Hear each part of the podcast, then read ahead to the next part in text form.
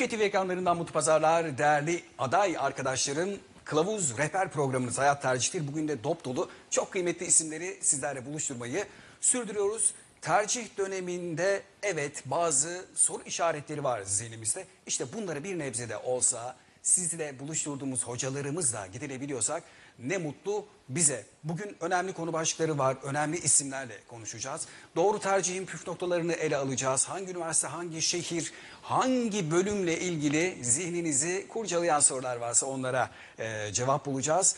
Bugün insan ve toplum bilimleri fakültesi bağlamında çok kıymetli bölümler var. Kısmen onlara değineceğiz. Nasıl bir üniversiteyi tercih etmek gerekiyor? Bunların altını çizeceğiz. Nelere dikkat etmeniz gerekiyor? Üniversiteyi seçerken hangi olanakları size sunuyor olması lazım? Nasıl bir eğitim modeli olması gerekiyor?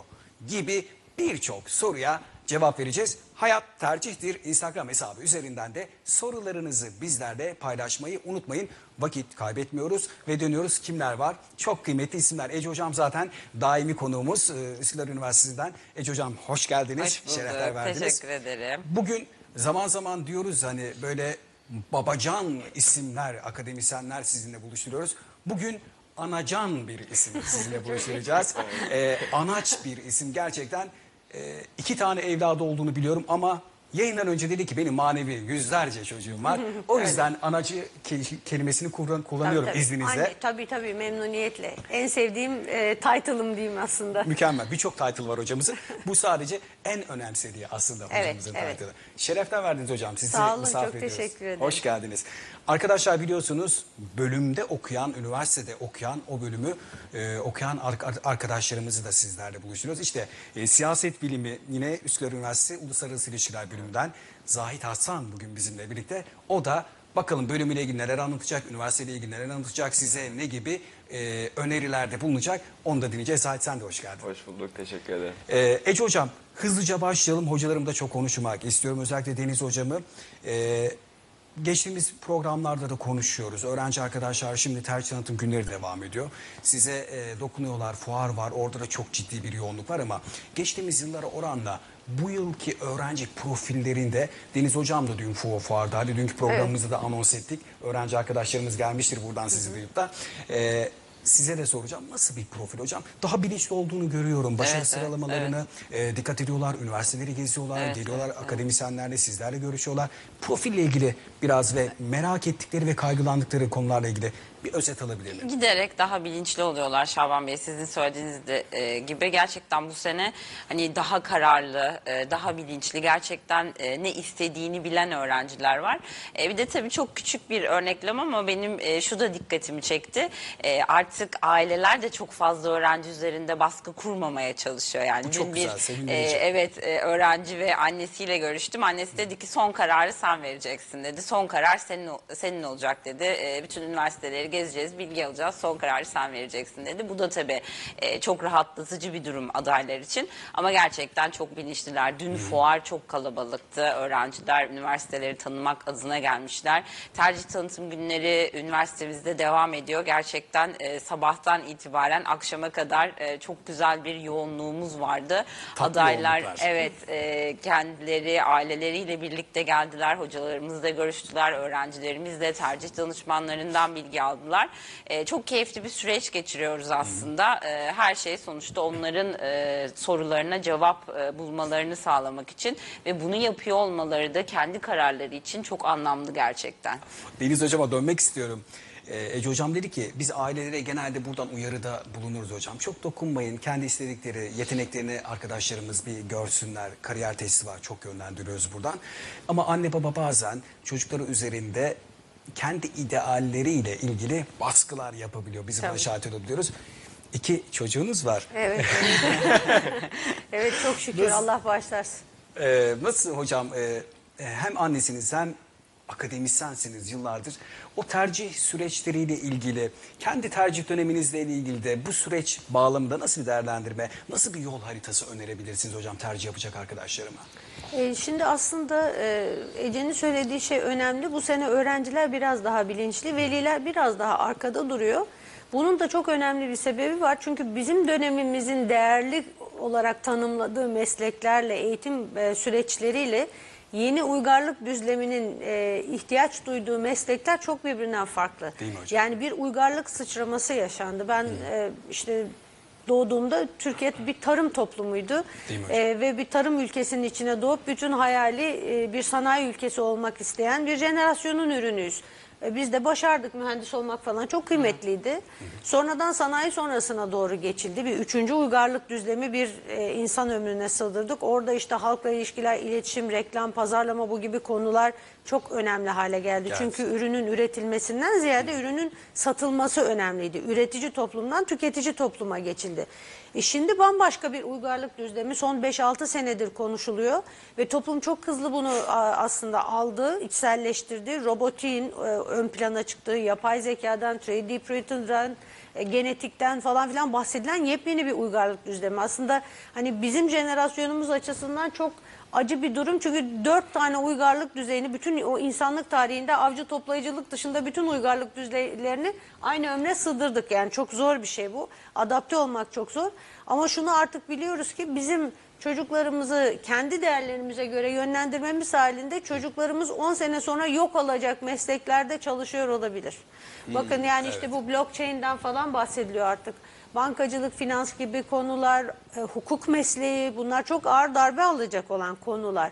Ve yepyeni alanlar ön plana çıkacak, yeni branşlar ön plana çıkacak ve eski o geleneksel branşların da e, bu yeni düzeyine doğru adapte olması gerekiyor. Mesela yani çok e, spesifik olarak kendi alanımdan örnek vereyim.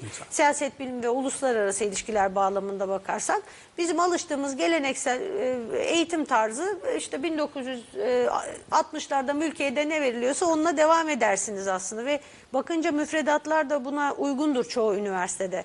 Halbuki artık günümüzde politik psikoloji bambaşka bir içerikle uluslararası ilişkiler ve siyaset biliminin alanına girdi. Yani politik psikolojinin girdiği gibi nöropolitik yani bilişsel süreçleri beynimizi okuyabilecek bir sürü e, çok önemli teknolojik imkan var. fMRI'lere falan soktuğumuz zaman çocukları ya da herhangi bir e, kişiyi beyninde bir şey öfkeli mi, kızgın mı, travması var mı? Hepsi beynindeki o ışıklardan, renklerden yansıyor zaten. doğru hocam. Ya da bir biyopolitik e, üzerinde tartıştığınız zaman e, evrimsel olarak nasıl geliştiğini, travmaların nasıl etkilediğini, ırkçılığın nasıl ortaya çıktığını artık bambaşka şeyleri tartışabilir hale geliyoruz.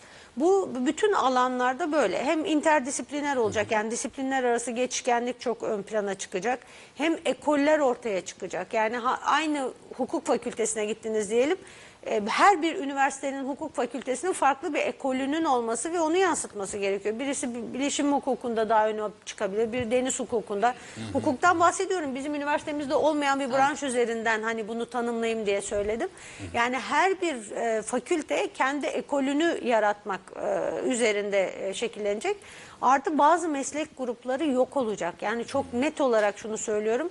Bugün en çok tercih edilen meslek dediğiniz şey 10 sene sonra yok olmaya mahkum bir meslek olabilir. O yüzden çok kapasiteli, çok başarılı çocukları eğer veliler ya da rehberler yanlış yönlendirirlerse, kendi yetenek alanlarının dışında bir yere doğru yönlendirirlerse bu büyük bir insan kaynağı israfıdır. Bu ülkemize de çok yazık. Yani hem onun bireysel olarak geleceği anlamında yazık hem de ülkemizin insan kaynağının, başarılı insan kaynağının doğru yerde değerlendirilmemiş olması itibariyle ülkemize yazık. Çok Onun doğru. için e, bütün gençleri yeteneklerine uygun, e, gelecek beklentilerine uygun yerlere doğru yönlendirmek lazım. Bu da birazcık onların kendi bireysel tercihleriyle şekillenmeli diye düşünüyorum. Çok teşekkür ederim hocam. Öyle e, nokta atışı yaptı ki aslında ailelerin neden bir adım geride duruyor olmasını. Evet e, nasıl adapte olunacağıyla ilgili de belki bir şeyler yapmak lazım. Burada üniversitelere, sizlere, akademisyenlere, hocalarımıza doğru kılavuzluk ve rehberlik dedi. Size hocam aslında bir anlamda da topu attı. İyi yönlendirmek gerekiyor yetenekleri doğrultusunda. 10 sene sonra bir yok olacak mesleğe aday arkadaşımızı yönlendirmek ülke için israf ve kayıp olduğunun altını çizdi. Özetlemiş oldum. Müthişti hocam. Zahit e, nasıl bir tercih dönemi geçirdin? Biraz e, senin tercih dönemini, e, sürecini Tabii. öğrenmek istiyorum. Zor muydu, kolay mıydı? Tabii ki kaygılar oluyor, Evet. endişeler olabiliyor ama Ya benim için uzun bir tercih dönemi oldu aslında. Çünkü ben liseye başladığımdan beri hep hayalimde ileride kaymakam veya vali olmak vardı. Ee, bunun için de işte kamu yönetimi ya da siyasal bilimler e, okumak gerekiyordu. Ama lise sonunda üniversite sınavına girdim. Tam tercih döneminde e, çok değerli bir hocayla tanıştım. E, hukuk profesörüydü kendisi. E, böyle bir yarım saat, bir saat sohbetten sonra bayağı beni hukuka ikna etmişti. E, hukuk okuduktan sonra hem işte kamu yönetimini yaptığım meslekleri yapabilirsin hem ayrıca avukatlık imkanım var vesaire diye hukuk istemeye başladım ben ondan sonra tercih döneminde.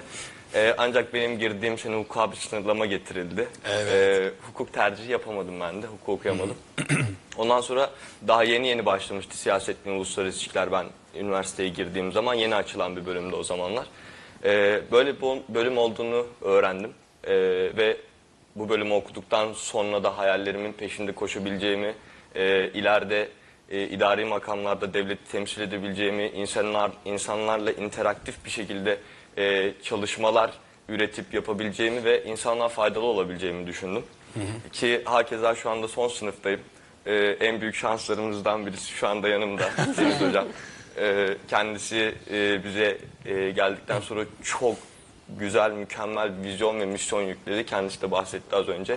Hem toplumla alakalı çünkü siyaset bilimi okuyan bir insanın gerçekten toplumu çok iyi okuyor olabilmesi lazım. Aynı zamanda nöropolitik, politik psikoloji alanlarında üniversitemiz çok büyük ivmeler kaydedecek. Ve bu da bize çok büyük şeyler kazandıracağını Yeni inanıyorum. ufuklar açıyor aslında. Evet, ama Zahit aynı zamanda çok iyi de fotoğraf çekiyor ve boş zamanlarında çalışan öğrenci olarak e, fotoğrafçılıkla ilgileniyor. Ben onun o yönünün de gelişmesi gerektiğini düşünüyorum. Yani gelecekte gençlerin tek bir şeyle ilgilenmesi doğru değil. Özellikle sevdiği, yetenekli olduğu bir alanda mutlaka kendisini geliştirmeye devam etmesi lazım. Zaten çok sosyal bir genç. Yani tam yerine gelmiş. Hukukçu olsaydı bence bu kadar başarılı olmazdı. Ama o gerçekten çok umutlu olduğumuz genç arkadaşlarımızdan bir tanesi. Ama başka yeteneklerini de kullanması çok önemli. Onun için fotoğrafçılığı da, da destekliyoruz yani. Teşekkür ederim. Ben Buyurun. hocamın da bahsettiği gibi okul bize mesela bununla alakalı da çok güzel imkanlar tanıyor. Ee, mesela ben siyaset ve uluslararası ilişkiler okuyor olabilirim ama okulun kurumsal iletişiminde kendimi e, hobi olarak dışarıda yürüttüğüm işte yönetmenlik, yönetim yönetmenliği alanında da e, yetiştirme imkanım var ve bence bu da çok mükemmel bir fırsat okuyan öğrenci. Zahit'in e, kısa filmler çektiğini de biliyorum hocam ben. E, aynı zamanda e, Üsküdar Haber Ajansı'da da görev aldı. Haber takipleri vesaire. Yeni insanlarla, farklı kişilerle ve kitlelerle tanışıyor olmak aslında sadece e, siyaset bilimi uluslararası ilişkiler öğrencileri, tüm öğrenciler için çok değerli bir şey. Dolayısıyla e, öğrenci arkadaşların, tercih yapacak öğrenci arkadaşların üniversitenin bu bağlamdaki e, kriterlerini de göz önünde bulundurması gerekiyor değil mi hocam? Başka neye dikkat etmek Evet gerekiyor? evet kesinlikle. Şimdi Zahit çok güzel bir örnek bugün bizimle birlikte. Hani hem siyaset bilimi okuyor hem e, fotoğrafçılıkla ilgili e, ilgisini aslında üniversitede kullanma imkanı bulabilmiş. Bu da çok önemli. Birazcık hani o puanları, e, başarı sıralarını bir kenara bırakmaları gerekiyor aslında. Üniversite, üniversitenin sağladığı olanaklar neler içeride? Üniversite ne gibi imkanlar sağlıyor öğrenciler? İşte yan dal, çift ana dal, e, ortak e, bölümlerden e, ortak e, dersler seçebilme bu imkanları da çok iyi araştırmaları gerekiyor. Ondan sonra aslında başarı sırası puandan biz çok bahsediyoruz ki şu anda işte sonuçlar açıklandığından beri sürekli işte yığılmalar nerede, eşit ağırlıkta ne olacak, sayısalda ne olacak ama dönüp şuna bakması gerekiyor adayın önce ben ne istiyorum? Ben nerede mutlu olurum? Hangi e, mesleği yapıyor olabilmek ya da onun eğitimini alıyor olabilmek beni e, mutlu eder. Ne, keyif alırım. Kayıt olduğumda gerçekten evet bu bölüm tam bana göreymiş. Ben bu bölüm çok doğru bir tercih yapmışım diyebilir. Onlara bakmaları gerekiyor. Ondan sonra Ondan sonra zaten puan, başarı sırası artık teknik konular. O sıralamayı da o listeyi de biz adaylarla birlikte e, onlar için e, en etkili olabilecek şekilde düzenliyoruz zaten. Ama 29 Temmuz'a kadar süreleri var ki 23 Temmuz itibariyle de artık resmi tercih dönemi başlıyor. Yani 23 Temmuz'dan itibaren adaylar tercihlerini ÖSYM'ye gönderebilirler. O konuda da çok acele etmesinler. 29'una kadar zaman var. Hani çok da e, son dakikaya bırakmasınlar ama e, 29'una kadar zaman varken biraz daha üniversiteleri araştırmaya, imkanlarını araştırmaya devam etsinler. İdeal bir tercih listesi nasıl oluşturulur? Ece hocamla birazdan e, onları da bazı trikler var. Onlara dikkat ediyor olmak lazım. Ece hocam onların altını çizecek. E, Zahit dedi ki hayalimin peşinden koşmak istedim dedi. Bu çok önemli bir cümle benim için. Çünkü birçok öğrenci arkadaşım şahit oluyorum ki hocam ne tercih edeceğini, ne ettiğinin bile e, farkında olamayabiliyor. A- a- anne baba veya çevre baskısından dolayı veya mezun olduğunda hemen iş bulabileceği alanları, para kazanabileceği alanları tercih etme eğilimi gösterebiliyor. Ee, siz bunu nasıl değerlendiriyorsunuz? Bu kişiler başarılı olabilir mi? Sadece hayalinden öte maddi kazanç veya statü. Ee, bu bağlamda hocam nasıl değerlendiriyorsunuz? Şimdi tabii her şey hayal kurmakla başlıyor ama şunu da söyleyeyim e, günümüz dünyasında hayal kurmaya başlayan bir gencin e, en az bu hayallerini devam ettirip en az üç değişik meslek için hayal kurması gerekiyor. Çünkü bugün hayata başlayan bir gencin en az üç değişik meslek yaparak hayatını sonlandıracağı yani sonuna kadar böyle e, bir süreç izleyeceğinden bahsediliyor. Çünkü e, yaptığımız işler kendine yeni yeni şeyler katarak geliştiriyor. Yani bir akademisyen olarak bile ben e, bir yandan öğretim üyesi olarak başladım, başladım araştırma yaparken yöneticilik yapmaya başladım. Sonra zaman zaman gazetede köşe yazıyordum. Televizyon yorumculuğu yaptım. Yazar- ya- kitap yazarlık ya kitaplar yazdım. Yani bir gün bir film senaryosu da yazabilirim. Yani baktığımız zaman şimdi zaten onu söyleyecektim. Hani politik psikoloji kulübümüz e, zaten e, öğrencilerimizin içinde çalıştığı bir şey. Ben ona çok yakın bir zamanda bir araştırma yapıyoruz şu anda. Büyük bir araştırma. Onun üzerinden bir kısa film, bir politik psikoloji filmi çekmesini e, isteyeceğim büyük bir ihtimalle. Yani ortaya çıkan bir terör eyleminden sonra halkın e, psikolojilerinin nasıl e, şekillendiğini ya da bir kampanyanın, bir sloganın üzerinden e, halk nasıl bir psikoloji içerisine giriyor. Bunların e, ve bunların sonuçları tabii. Geçmişte bir travmaya maruz kaldıysa birisi bundan nasıl etkileniyor? Hiçbir travmaya maruz kalmamış biri nasıl etkileniyor? Bunların analizlerini yapacağız ve birlikte çekebileceğiz. Hem siyaset bilimci olacak hem bunun e, şeyini çekebilecek, politik psikoloji filmini çekebilecek. Şimdi ondan sonra ne yapar bilemem ama yani Zahit e, pek çok şey yapabilir. O, o, o anlamda e, çok yönlü bir öğrenci. Zaten öğrencileri buraya sevk etmemiz gerekiyor. Bir kere çok yönlü olmaya, çok adaptasyonu yüksek olmaya ve sürekli olarak kariyer yollarını yavaş yavaş dönüştürmeye kendilerini adapte etsinler. Bugün doktor olup hiç doktorluk yapmayan, müzikle uğraşan, resim sanatlarıyla uğraşan, sanat galerisi işleten, ilaç sektöründe tamamen işletmeci olan yani böyle insanlar da var. E, baktığınız zaman birçok mühendis mühendislik yapmıyor. E, gastronomiden çok hoşlanmış, çok şık bir restoran açmış olabiliyor. Önemli olan insanların nasıl bir hayal kurduğu. Başladığınız yerde bitirmek zorunda değilsiniz. Üniversite çok önemli bir adım. Doğru bir üniversite seçmek, kendinize uygun bir üniversite seçmek önemli ama bu sonsuza kadar tutuksulu olduğunuz anlamına gelmiyor. Yani kendi geleceğinizin tutsağı olmamalısınız bence. Bir 18-20 yaşında seçtiğiniz bir kariyer yolunun tutsağı olmak da çok mutsuz edici bir şey. Çünkü insan değişiyor, insanın ilgileri, zevkleri değişiyor ve bunun için imkanlar var. Aslında üniversiteler ee, önümüzdeki dönemlerde sadece 18-20 yaş grubuna değil 40-50 yaş grubuna da belki bir gün 80-90 yaş grubuna da e, açık hale gelecek. Çünkü insan ömrü e, bu yüzyılın başında 50 yaşken e, 21. yüzyıl 20. yüzyılın başında 50 yaşken 21. yüzyılın ortasında 150 yaşı bulacak deniyor. Şimdi eskiden 40'lı yaşlar emeklilik yaşıydı. E, 40 yaşında emekli olsanız 150 yıl, o 110 yıl ne yapacaksınız geride Evet, 40 kalan? yaşında hayat bitmiş oluyor yani. Böyle bir böyle bir ihtimal yok. Onun için hani e, özellikle yaşlılık kavramı Hmm. değişiyor. Yani 70-80 yaş orta yaş kuşağı olmaya başlıyor.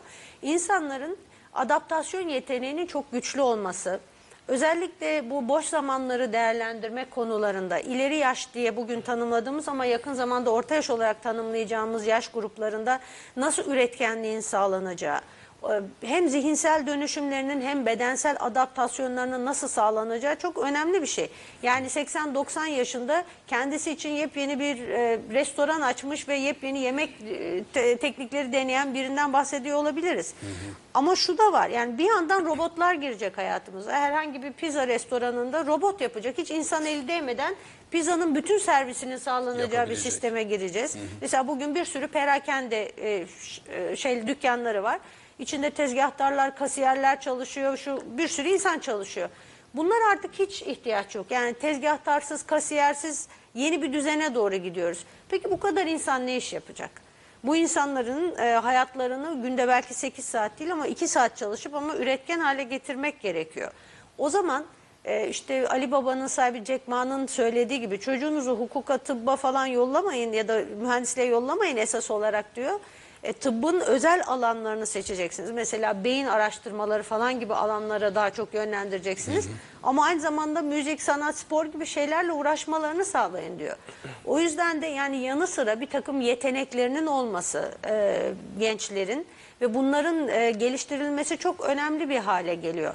Hayal derken ille e, kariyer yani bir meslek hayali değil. Yani nasıl bir insan olacağımın hayalinin Çok üstüne önemli. girmeleri lazım. Ne olmak istiyorsunuz?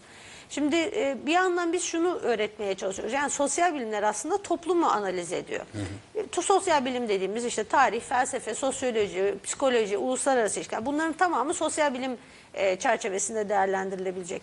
Bunların her biri insanı geçmiş, gelecek, düşünce sistemleri açısından anlamaya çalışan, insanı anlamaya çalışan e, şeyler, e, bilim alanları. Bu yüzden de insanın her yaş grubundaki durumunu anlayıp onu her yaş grubunda daha üretken, daha katılımcı hale getirmek çok önemli bir şey. Şimdi tıpla uğraşıyorsanız artık ana hedefiniz yani eski tıp değil.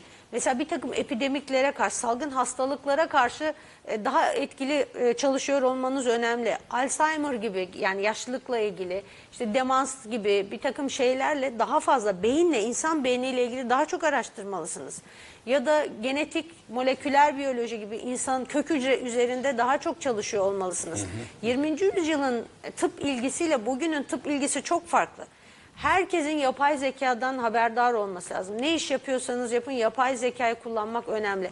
Ama her şeyin ötesinde. Her şeyin ötesinde. Şimdi hep e, şu söyleniyor yani mühendislikler falan robotik şunlar bunlar çok ön planda tabii. Çok teknolojik bir çağa giriyoruz ama temel mesele büyük veri dediğimiz big data dediğimiz Evet, şey. evet. Milyarlarca insanın verisi çeşitli vesilelerle işte sosyal medyadan kullandığımız telefonlardan yüz tanıma sistemlerine kadar her şey geliyor. Bu veriyi kim analiz edecek? Bu veriyi bir mühendis ya da bir doktor ya da bir e, ekonomist analiz etmiyor aslında. Bu veriyi felsefeci, sosyoloji, antropolog, e, psikolog bunların bir araya gelip e, analiz edebiliyor olması. Bunların her birine temel bilimler çok ön plana geçecek yeniden. Ve onlar üzerinden yapılacak bir takım sertifikalarla geliştirilmiş olan analiz yetenekleriyle e, o veriyi alacağız ve dönüştüreceğiz. Çünkü robotların yaptığı işlere insanların bu kadar çalışmasına gerek yok. Robotun yapamadığı şeyi yapabilmemiz O gerekiyor. alanlara yönelmek lazım diyorsunuz. Tabii. Deniz Hocam anlatınca tabii oraya gidecek öğrenci arkadaşların yerine kendimi koyuyorum. Kendimi güvende hissediyorum. Evet, değil mi? şu bağlamda güvende hissediyorum. Çünkü güzel ufuklar. e, Sen ne mezunuydun? ben gazetecilik, iletişim. Gazete çok güzel gayet iyi. Çünkü o da hakikaten insanla ya insanlar arası etkileşimin aracı. Sanayi sonrasının ürünü aslında Evet biraz sizinki önce pazarlama vesaire dediniz. Evet. Şimdi aileler de bazen kaygılanıyor ama ailelerin de e, çekinmesine, korkmasına ya mesleğim elimden alınacak mı, girecek miyim? Çok bu, bu manada çok soru işaretleri ve gelecek kaygısı olan kitleler var hocam. Eğitim açık olmak lazım ki hocam bahsetti. Bugün e, hayat boyu öğrenme var, üniversitenin sürekli eğitim merkezleri var. Oralarda eğitimler vesaire devam ediyor ama e, ailelerin de e, erişkinlerin de eğitimlerini devam ettiriyor ve adaptasyon süreçlerini belki de biraz daha kısa tutmalarında veya hızlı aksiyon almalarında fayda olacak. Hocam sokak röportajlarımız var. Ee, Didem sahaya iniyor. Aday arkadaşlarımızla görüşüyor. Bir onlara kulak verelim. Daha sonra kaldığımız yerden devam edeceğiz. Aday öğrencilerin tercih heyecanı başladı. Haliyle aday öğrenciler de üniversiteleri gezmeye başladılar. Biz de Hayat Tercih Tir ekibi olarak aday öğrencilerimize hangi mesleği istediklerini, neden o mesleği istediklerini ve bir üniversitede aradıkları özellikleri sorduk. Bakalım aday öğrencilerimizin cevapları ne olmuş? Hangi bölümde okumak istiyorsunuz? Acil durum ve afet yönetimi. Tarih. Endüstri mühendisliği. Tıp fakültesi. Tarih. Fizyoterapi ve rehabilitasyon. Neden bu bölümde okumak istiyorsun? Yani ilgim var.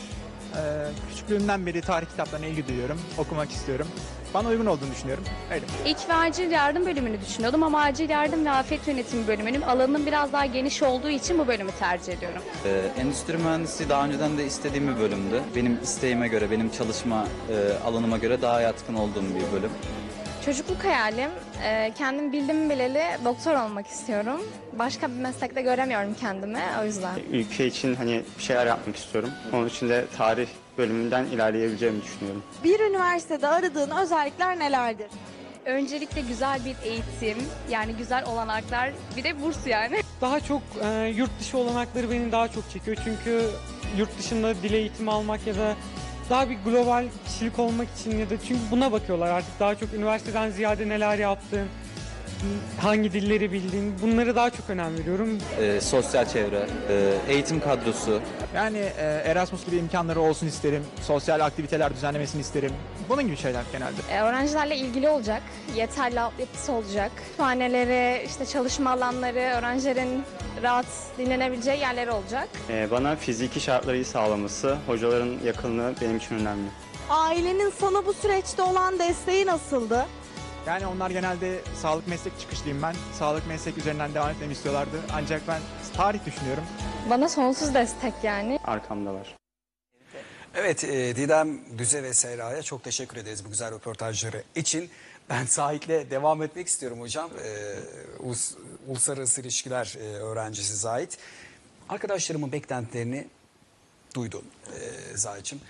Bu bağlamda mesela üniversiten sana ne sunuyor? Mesela Erasmus imkanlarından bahsettiler, dil olanaklarından, etkinlikler, sağlık, kültür, sportif faaliyetler de çok önemli değil mi hocam? Biz eğitimin dört duvar arasından çıkartılması gerektiğini her fırsatta vurguluyoruz. Bu bağlamda e, kendini nasıl hissediyorsun? Şanslı hissediyor musun? Tabii Neler ki. söyleyebilirsin? e, şöyle söyleyeyim. Ben çocukluğumdan beri çok sosyal e, bir çocuk oldum. Zaten Zahit üniversitenin sınırları içinde de durabilecek gibi değil mi? Söyleyeyim. Allah annesine kuvvet verse durduğu yerde duramıyor diye. Evet. Ama ailem benim için çok büyük bir şans bir konuda. Çünkü ben ta 7 yaşındayken babam annem sağ olsun o zaman bütün sporları profesyonel yapmam için bana bütün imkanları sundular. Ve ben üniversiteye geldiğim zaman bir milli sporculuğum vardı. Yaklaşık 4-5 farklı dalda da lisans sporculuk yapıyordum. Okula geldik son, geldikten sonra da yani İstanbul'a geldiğim için üzüldüm. Üniversiteye gideceğim şimdi devam ettire, ettirebilecek miyim, ettiremeyecek miyim diye. Ama okulumuz e, sağ olsun bu konuda bana çok büyük destekler kattı. Lisans olarak yaptığım sporculuğu hayatımı okulda da, okul sürecinde de, üniversiteliklerinde de devam ettirmeme de olanaklar sağladı. Onun dışında okulumuzda yaklaşık 67-70 tane üniversite kulübü var. Ve hepsi bir fiil aktif çalışıyorlar. Ee, ben de e, üniversite ilk başladığım zaman Türk Kızılayı Kulübü'nü açmıştım okulda. Evet. Ee, ondan sonra hocam dedi ya üniversitelerin içinde böyle sığ, sığ, sığmayacak herhalde zaten. Öyle oldu biraz. Ee, yaklaşık 4 sene boyunca da il başkan yardımcılığı yaptım kızlarla. Bütün İstanbul'daki üniversitelerden sorumluydum. Ee, Üsküdar Üniversitesi'ni temsil ediyorduk tabii her yerde. Bunun gibi yani e, bizim üniversitemizde öğrencilerin sosyal olarak kendilerini geliştirebilmesi için bir sürü olanak var. Birçok imkanları var. Bütün kulüpler aktif olarak faaliyetlerini sürdürüyorlar, etkinlikler yapıyorlar. Kendilerini bu konuda geliştirebilirler. Bir diğer konu İngilizce konusu. Ee, benim için üniversiteyi tercih döneminden beri İngilizce çok önemli bir konuydu. Ee, özellikle bölümümü İngilizce okumak istiyordum. Çünkü artık İngilizce bir yabancı dil değil. Hocam da herhalde katılır bana. Artık bir ana dil haline geldi. Ee, İngilizce özellikle bizim bölüm için olmazsa olmaz. Bizim üniversitenin de e, İngilizce bölümlerinde e, çok güzel bir hazırlık eğitimi var. Dil eğitimi yabancı hocalardan aldığınız. E, onun dışında Türkçe bölüm okuyanlar arkadaş Türkçe bölümü okuyan arkadaşlar için de isteğe bağlı olarak hazırlık sınıfları okuyabiliyorlar. Ben İng- İngilizce öğrenmek istiyorum diye, diyen bir öğrenci hazırlık sınıfını isteğe bağlı okuyabilir ki ben şiddetle tavsiye ediyorum. E, bütün üniversite adaylarının İngilizce eğitimini mutlaka almaları konusunda. Ee, Zahit çok haklı. Genelde bir senelik İngilizce eğitimi kayıp olan, gören e, öğrenci ve e, aileleri de olabiliyor. Ee, Zahit de aslında bunun ne kadar önemli olduğunu Deniz Hocam zaten söyledi, vurguladı. Bizler de vurguluyoruz. Zahit de tekrar altını çizmiş oldu. Hocam tabii sürenin yavaş yavaş sonuna geliyoruz ama şimdi e, 24 tercih listesini oluşturacağız. 24 tane olacak ama bazı arkadaşlarımız bölüm üniversite ve şehir arasında bu üçgende sıkışıp kalabiliyor. Nereyi tercih etsem aslında bölüm önce olmalı, şehir mi ve üniversite mi? Bu bağlamdaki değerlendirmelerinizi alacağım. Daha sonra e, sağlıklı bir liste oluşturmak için önerilerinizi alacağım hocam. Evet. E, o üçgende sıkışıyor öğrenciler tabii ama tabii e, biz her zaman şunu söylüyoruz. En sevdikleri, gerçekten mutlu olabileceği meslekleri hani bazen bu bölüm olabilir, üniversite fark etmeyebilir ya da üniversiteyi tercih eder öğrenci. Bu üniversitede okumak istiyorum der. E, o isteğine göre şekillendirmesi gerekiyor e, listesini. 24 tercih yapma hakları var. 24 tercihi geçmemek e, şartıyla istedikleri kadar tercih yapabilirler. Orada da çok tereddüt ediyor ediyorlar. Hani mutlaka 24 tercih mi? Hayır değil. 5 tane de yap- yapabilir, 15 tane de yapabilir, 24 tane de yapabilir. Hatta bazen öğrenci tek bir bölüm e, isteği oluyor ve bir tercih yapıyor. Bu olursa olur, olmazsa e, ben hani olmamasını da kabul ediyorum. Çok gibi iddialı. Bir karar verir. Evet çok iddialı olabiliyor. Hani öyle öğrenciler de var. E, o liste e, kendilerine göre hazırlayabilirler. Ama tabii orada teknik olarak şunu da dikkat etsinler. Yani listeyi tamamladıktan sonra biz aday arkadaşlara hep buradan hatırlatma yapıyoruz. Mutlaka özel koşullar ve açıklamaları okusunlar. Bazen onu e, yapıyor olmaktan e, çekiniyorlar ya da işte en son aşamada atlıyorlar onu. Mutlaka özel koşullar ve şartlarını okusunlar ki e, gerçekten yerleşecekleri bölümlerin tüm koşullarını karşılıyorlar mı? Bu önemli. E, ve teknik olarak da eğer çok tereddütleri varsa mutlaka uzmanların işte rehber öğretmenleri olur, e, tercih danışmanları olur, üniversitelerdeki bu e, desteği de veriyorlar. Buralarda mutlaka profesyonel bir e, yardım alsın öğrenciler. Çünkü zaman zaman yardım almamaktan dolayı yanlış tercihler yapılabiliyor. Özellikle üniversitelerin kodlamaları var ve bu kodlamalarda öğrenciler zaman zaman yanlış tercihlerle hiç beklemedikleri bir yere yerleşebiliyorlar. O yüzden son dakika böyle teknik olarak listede oluşturulacak değişikliklerde de bir destek alıyor olmak çok önemli. Ece Hocam'ın özel koşulları gerçekten önemli. Bazı e, bölümlerin kriterleri var. E, Onlara da dikkat etmek Evet, lazım. Bir de evet. hocam e, vakıf üniversitelerinin e, burs imkanları indirimleriyle ilgili mesela bazı öğrenci arkadaşlarım vakıf üniversitesini tercih ettiğinin bile farkında olmuyor. Dolayısıyla bir ücret çıkıyor karşısına. Evet. Hoppa e, kaydolamıyor. Bir senesi e, gitmiş oluyor ve önümüzdeki sınava girdiği zaman da puanı da kesilmiş. Evet yarı yarıya düşüyor öğretim başarı puanı. Orada vakıf üniversitelerin çok iyi araştırmaları gerekiyor. Hani burs koşulları neler ve bursun devamlılığı hangi koşullarda devam ediyor burs? E, bunu mutlaka araştırmaları gerekiyor. Yani onu e, araştırmadan gerçekten kendilerine uygun mu? işte ekonomik durumları bunu karşılayabilecek düzeyde mi? Bursun devamlılığı nasıl? Bunları öğrenmeden vakıf üniversitelerine e, tercih etmesinler. Yani o şartları öğrensinler. Peki. Deniz Hocam'la devam ediyoruz. Sürenin yavaş yavaş sonuna geliyoruz ama e, Deniz Hocam çok güzel e, başlıklar verdiniz, söylediniz, anlattınız. Üsküdar Üniversitesi özelinde biraz konuşmak istiyorum sizinle. İnsan ve Toplum Bilimleri Fakültesi dekanısınız, rektör danışmanısınız aynı zamanda. E, bu söylediklerinizi kişisel gayretlerle yapabiliyor olmak mümkün mü? Keşke tüm akademisyenlerimiz sizin gibi düşünebiliyor olsa öğrencilerine e, anne şefkati yaklaşmadığı anlamında demiyorum ama herkes böyle olabilse anne şefkatiyle baba şefkatiyle kucaklayıcı olabilme ve yön ve vizyon çiziyor olabilmesi. E, yönetimin de tabii e, kurucunun da bunu destekliyor olması gerekiyor. Siz bunları bir sene oldu yanılmıyorsam Evet. Üsküdar Üniversitesi'nde. Bunları konuştuklarınızın ne kadarını yapabildiniz, ne kadarını yapabileceğinizi düşünüyorsunuz ve e, öğrenci arkadaşlarımıza neler sunacaksınız hocam sizi tercih edenlere? Vallahi çok gerçekçi bir değerlendirme yaparsam ben Üsküdar Üniversitesi'ne geldikten sonra beklediğimin çok üzerinde bir şey buldum. Çok samimiyetle bunu söyleyebilirim. Öncelikle hem kurucumuz hem rektörümüz Nevzat Tarhan hocamız dünyanın en nazik, zarif insanı zaten bir psikiyatrist olmasının verdiği bir yaklaşımla insanlığı çok iyi tanıyan, öğrenciyi çok iyi tanıyan ve belki yani bizim hepimizden daha fazla öğrenciden yana tavır alan bir insan. E, o bakımdan hani bize de önemli bir öğretmenlik yapıyor. Yani nasıl yaklaşmamız gerektiği konusunda. Ben zaten hep öğrencilerimle bir anne ilgisine sahip olarak e, ilişki kurdum. Onların hayatlarına pozitif yönde dokunabilmeyi çok önemsedim.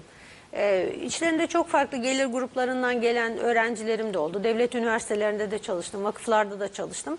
Üsküdar Üniversitesi aslında e, gerçekten o erişilebilirlik prensibini çok e, hayata geçirmiş olan bir üniversite. Çok e, büyük popülaritesi olan, çok ilgi gören bölümlerde bile.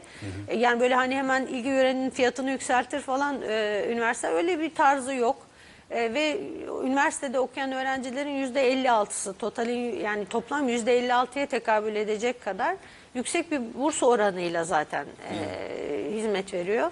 E, aynı zamanda öğrencilerin işte çalışan öğrenci programlarına doğru yönlendirilmesinde çok ciddi avantajlar sağlıyorlar. Şunu gördüm yani Üsküdar Üniversitesi biraz devlet üniversitesine benziyor. Yani öğrencilerin yaklaşımları da öyle, hocaların yaklaşımı da öyle. Bu anlamda e, kendimi yani hani yıllarımı İstanbul Üniversitesi'ne verdim. Oradan emekli oldum. Hani oradan hiç farklı hissetmiyorum. Onu söyleyeyim. Ee, belki orada öğrenciye verilenden daha fazla e, ilgi gösteriliyor burada. Ee, çözüm merkezi var sürekli olarak öğrencilerin problemlerini aktardıkları bir e, link oluşturulmuş durumda. O anlamda yani kendimi hakikaten iyi ki gelmişim dediğim bir ortamda buldum. Ee, akademisyen arkadaşlarımda da aynı e, mütevazi kişilik yaklaşım var. Ee, bu, bu çok güzel bir şey. Yani iddialarını akademik alanda devam ettiriyorlar. Yani hani e, böyle e, bazı üniversiteler olur paket çok iyidir de içini açtığınız zaman çok şey yapmazsınız ama hakikaten e, Üsküdar Üniversitesi mütevazi bir okul ama çok ciddi akademik iddiaları var. Türkiye'nin ilk beyin hastanesini açmış mesela. Her şey insan beyni üzerinden devam ediyor. Nöro programlar var. Nöroda çok kıymetli hocalar var. Sultan Tarlacı, işte Sinan, Sinan Canan, Canan. gibi. E, adli tıp, adli bilimlerde çok etkili. e, sadece bize ait Sevil Atasoy'un liderliğinde Haftaya de muazzam. Evet, edeceğiz. çok hoş bir insan kendisi de gerçekten çok kıymetli bir akademisyen ve bir kadın olarak, bir kadın lider olarak hepimize örnek model olacak bir insan. Siz de öylesiniz hocam Ee, sağ olun. Ee, Sev- Sevil hocamız Birleşmiş Milletler'de de Türkiye'yi temsil eden yani dünya çapında bir insan. Yani çok kıymetli hocalarımız da var. Bir de yani hocalar arasında çok iyi bir ilişki olduğunu düşünüyorum. Öğrencilerle de aramızda öyle. Bu zamanla çok daha iyi olacak şeyler de var. Eksiklerimiz de vardır. Bu hiç kaçınılmaz. Her kurumda eksiklikler olur. Ee, onların da düzeltilecek. Zaten düzeltilebilir olmadığı zaman bir şey. Yani bunu fark etmiyorsunuz demektir. O zaman gelişmeye her türlü kapalısınızdır. Yani ben mükemmelim dediğiniz anda gelişemezsiniz Doğru demektir. hocam. Benim ben tarz olarak iyi görürüm ama hep de kötü nerede, boşluk nerede, onu nasıl düzeltebiliriz, nasıl geliştirebiliriz onların peşine düşerim. Ben şimdi boşlukları yakalayıp oraları toparlamanın derdindeyim. Ee, üniversitede genel olarak, vizyon olarak böyle her şeyi daha iyiye götürmek için çalışan bir ekibimiz var aslında. Müthiş e, Deniz Hocam'ın e, bu söylemleri de tercih yapacak arkadaşlarımızın e, göz önünde bulundurması gerekiyor aslında. Hocamızın da hayalleri var. Üs- Üsküdar Üniversitesi için, Türkiye'miz için, e, dünya için hayalleri var. Politik Psikoloji Merkezi'ni kurdu bu bağlamda. Oxford Üniversitesi ile ortak ilk programımızı yaptık. Gerçekleşti. Ben zaten Oxford Üniversitesi'nde de kıdemli üyeyim. Benim Center for the Resolution of Intractable Conflict diye bir merkezimiz var Oxford'da. Onunla Üsküdar Politik Psikoloji Merkezi'ni bağlantılandırdık. Orayla şimdi önümüzdeki Eylül ayında da yapacağız inşallah. Devam ediyoruz Oxford'la birlikte. Müthiş. Burada tabii öğrenci arkadaşlarımız da yer alıyor. Zahit son 30 saniye sen hızlı toparlayacaksındır biliyorum. Aday arkadaşlarıma neler önerirsin? Sen de bu süreçlerden geçtin. Kısaca şunu söylemek istiyorum. Ee, kimse hayal kurmayı bırakmasın ve hayallerinden peşine sonuna kadar hayallerine ulaşıncaya kadar so- e, koşsunlar. Ee, hobilerin, e, sevdiğin şeyler illaki olacak ama bunlar senin hayallerinin önüne bir adım öteye bile geçmemeli. Ve e, tercih yaparken de dikkat etmeleri gereken bence en önemli şey e, girdikleri üniversiteden ziyade orada kendilerini nasıl geliştirebilirler özellikle sosyal alanda. Buna çok dikkat etmeleri gerekiyor. Çünkü artık e, üniversiteyi bitirdikten sonra sorulan 4 senede bitirdiysen üniversitede 4 sene boyunca ne yaptın? Neler yaptın? Bunun gibi şeylere bunlara dolu dolu cevap vermek e, istiyorlarsa Evet. kesinlikle bunları iyi araştırsınlar. Zahit'ciğim teşekkür ediyorum. Üsküdar Üniversitesi İnsan ve Toplum Bilimleri Fakültesi Dekanımız, Rektör Danışmanı Profesör Doktor Deniz Ülke Arubağan çok kıymetli paylaşımlarınız. Çok teşekkür ederiz hocam. Şerefler verdiniz. Zahit Hasan, Siyaset Bilimi Uluslararası İlişkiler öğrencisi. Çok teşekkür ederim Zahit. Sana da çok Ben sağ olasın. Ece hocam size de çok teşekkür Ben ediyorum. Ee, teşekkür ederim. buradan sizlere ufuk açabildiysek, projeksiyon tutabildiysek ne mutlu bize. Haftaya saatler 11 onu gösterdi bu ekranlarda birlikteliğimiz sürecek hayat tercihleriyle. Hoşçakalın efendim.